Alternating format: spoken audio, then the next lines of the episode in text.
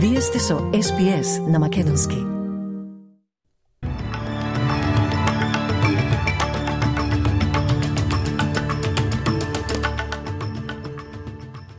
Од денешниот билтен вести издвојуваме. Државните и федералните благајници се сретнаа со новата сојузна влада за прв пат. Председателот на САД, Џо Бајден, позитивен на тестот за COVID-19. Извршниот комитет на ВМРО ДПМН ја прифати иницијативата за референдум по прашањето за отварање на Уставот. Слушајте не. Сојузниот министер за земјоделство вели дека опозицијата се плаши од опасноста болестите шапи лигавка да влезат во Австралија. Коалицијата вели дека владата не презема доволно силни мерки за да спречи избувнувањето на болеста во Индонезија да ги помине границите на Австралија. Некои членови на коалицијата побараа Австралија да ги затвори своите граници кон Индонезија, но тоа беше отфрлено како драстична мерка од земјоделските групи. Министерот за земјоделство Маре Ват вели дека Австралија има меѓу најдобрите системи за биосигурност во светот. It's important that as we face this challenge that we all remain calm and work collaboratively to ensure the strong reputation of our $80 billion agriculture industry around the Scaremongering and fanning the flames of genuine concern does nothing to help our $80 billion agriculture industry stay, stay strong and retain its strong international reputation. Сојузниот благаник Джим Чалмер светува подобри односи со владите на државите и териториите од предходната сојузна влада. Доктор Чалмерс денеска е во Бризбен за прв пат за да се состане со благаниците на државите и териториите. Тој вели дека ќе работи со државите и териториите и дека овие влади и владата на Комонвелтот се соочуваат со многу слични предизвици, како што е високата и постојано растечка инфлација или недостигот на работна сила. There's a new government in Canberra and there's a new approach to dealing with the states and territories. We want to see what we can achieve together. Uh, for much of the last decade, there's been too much conflict. We will do our best to work together uh, to meet these challenges that we've got, whether it's high and rising inflation or labour shortages or the impact of interest rate rises, all at the same time as we're constrained by having uh, pretty uh, difficult budget situations. We're all in the same boat. We're all in it together. На уште 39 австралијски службеници им е забранет влез во Русија. Руското Министерство за надворешни работи го објави списокот како одговор на слична санкција што ја применува Австралија. Меѓу лицата под санкции се полицискиот комесар на северната територија Джейми Чалкер, министерот за поправги на Нов Јужен Велс Джеф Ли и членови на Министерството за внатрешни работи. Минатиот месец беше објавен и списокот на уште 121 истакнат австралиец со забранет влез во Русија, вклучувајќи познати новинари и деловни луѓе, како и политичари, армиски службеници и академици. Каролин Кенеди пристигна да го преземе своето иминување за нов амбасадор на Соединетите Американски држави во Австралија. Господја Кенеди вели дека во Соединетите Американски држави постои голема возбуда за билатералните односи меѓу САД и Австралија, како и за прашањата во поширокиот регион, обележани со неодамнешната средба на самитот Квот во Токио меѓу американскиот председател Џо Бајден и премиерот Ентони Албанези. Сепак господја Кенеди признава дека низината земја треба да направи повеќе во овој регион.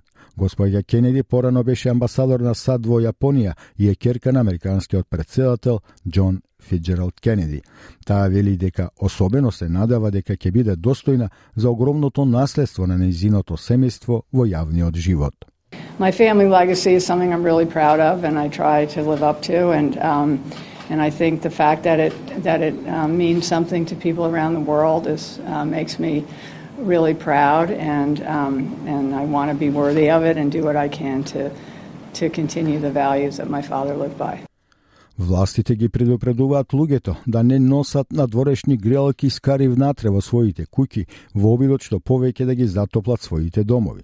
Шест лица се хоспитализирани во Нов Јужен Вилс оваа недела поради сомневање за труење со јаглерот моноксид.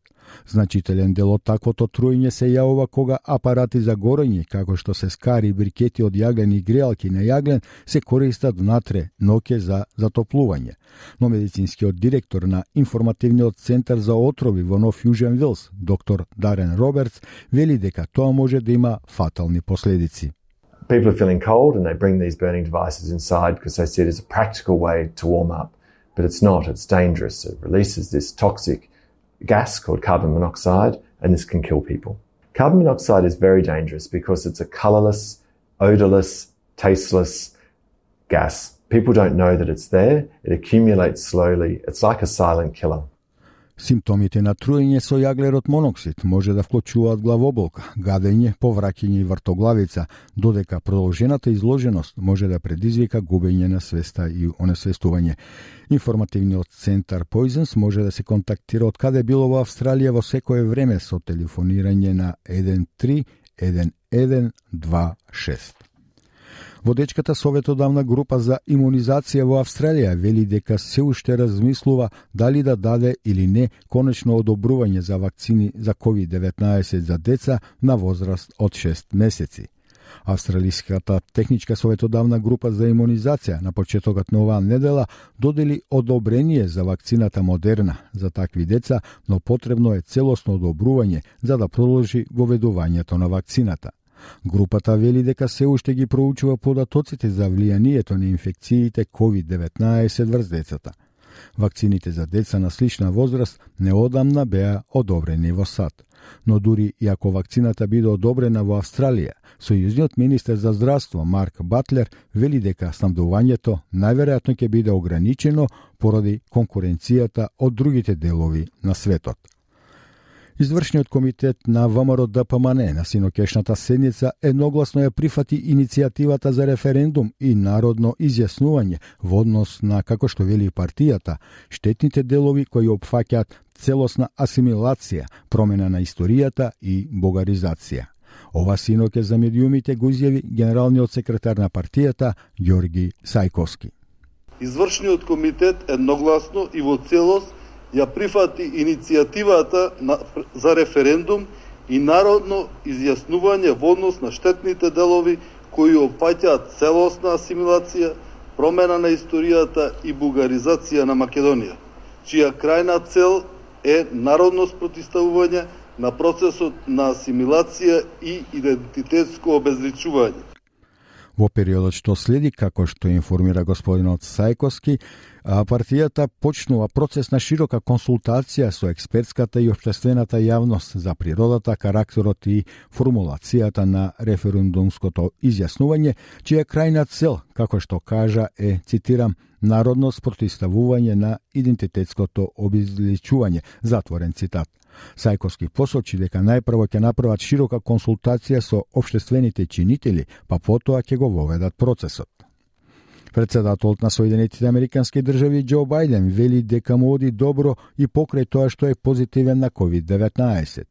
Бајден, кој е на 79 годишна возраст, е најстариот човек што некогаш бил председател на Соединетите Американски држави.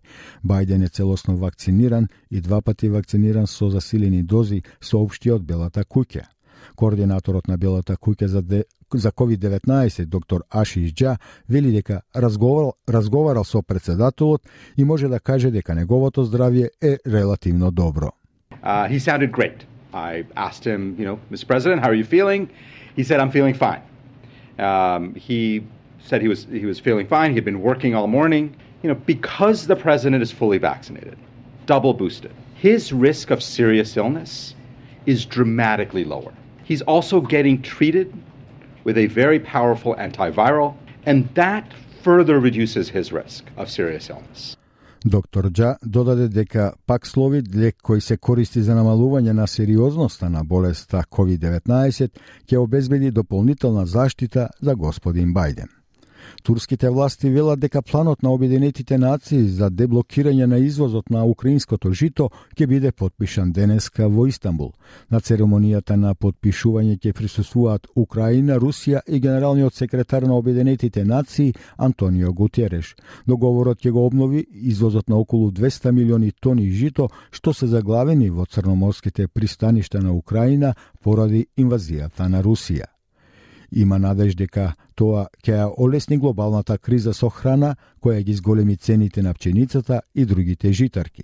Портпаролот на Обединетите нации, Фаркан Хак, вели дека тие имаат за цел сите вклучени страни да постигнат глобално корисен договор.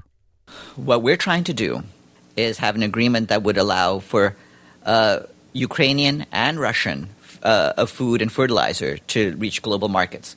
As you know, we've pointed out uh, for many months how serious the, the food crisis around the world is, and this is a component, a large component of that uh, that crisis. So, if we can resolve this, we can potentially uh, save uh, uh, hundreds of thousands, potentially millions of people from having food be priced out of their reach.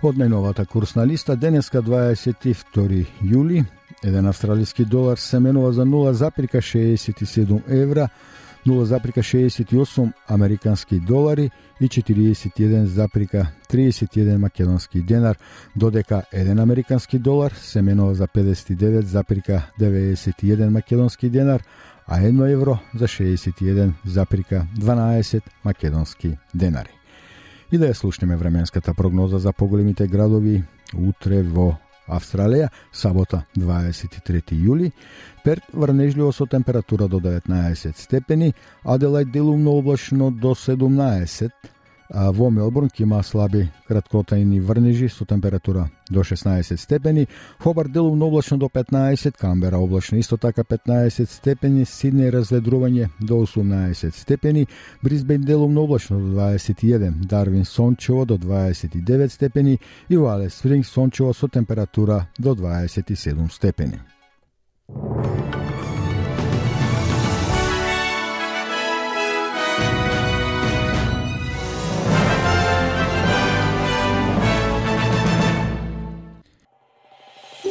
Сакате ли да чуете повеќе прилози како овој? Слушате подкаст преку Apple Podcasts, Google Podcasts, Spotify или од каде и да ги добивате вашите подкасти.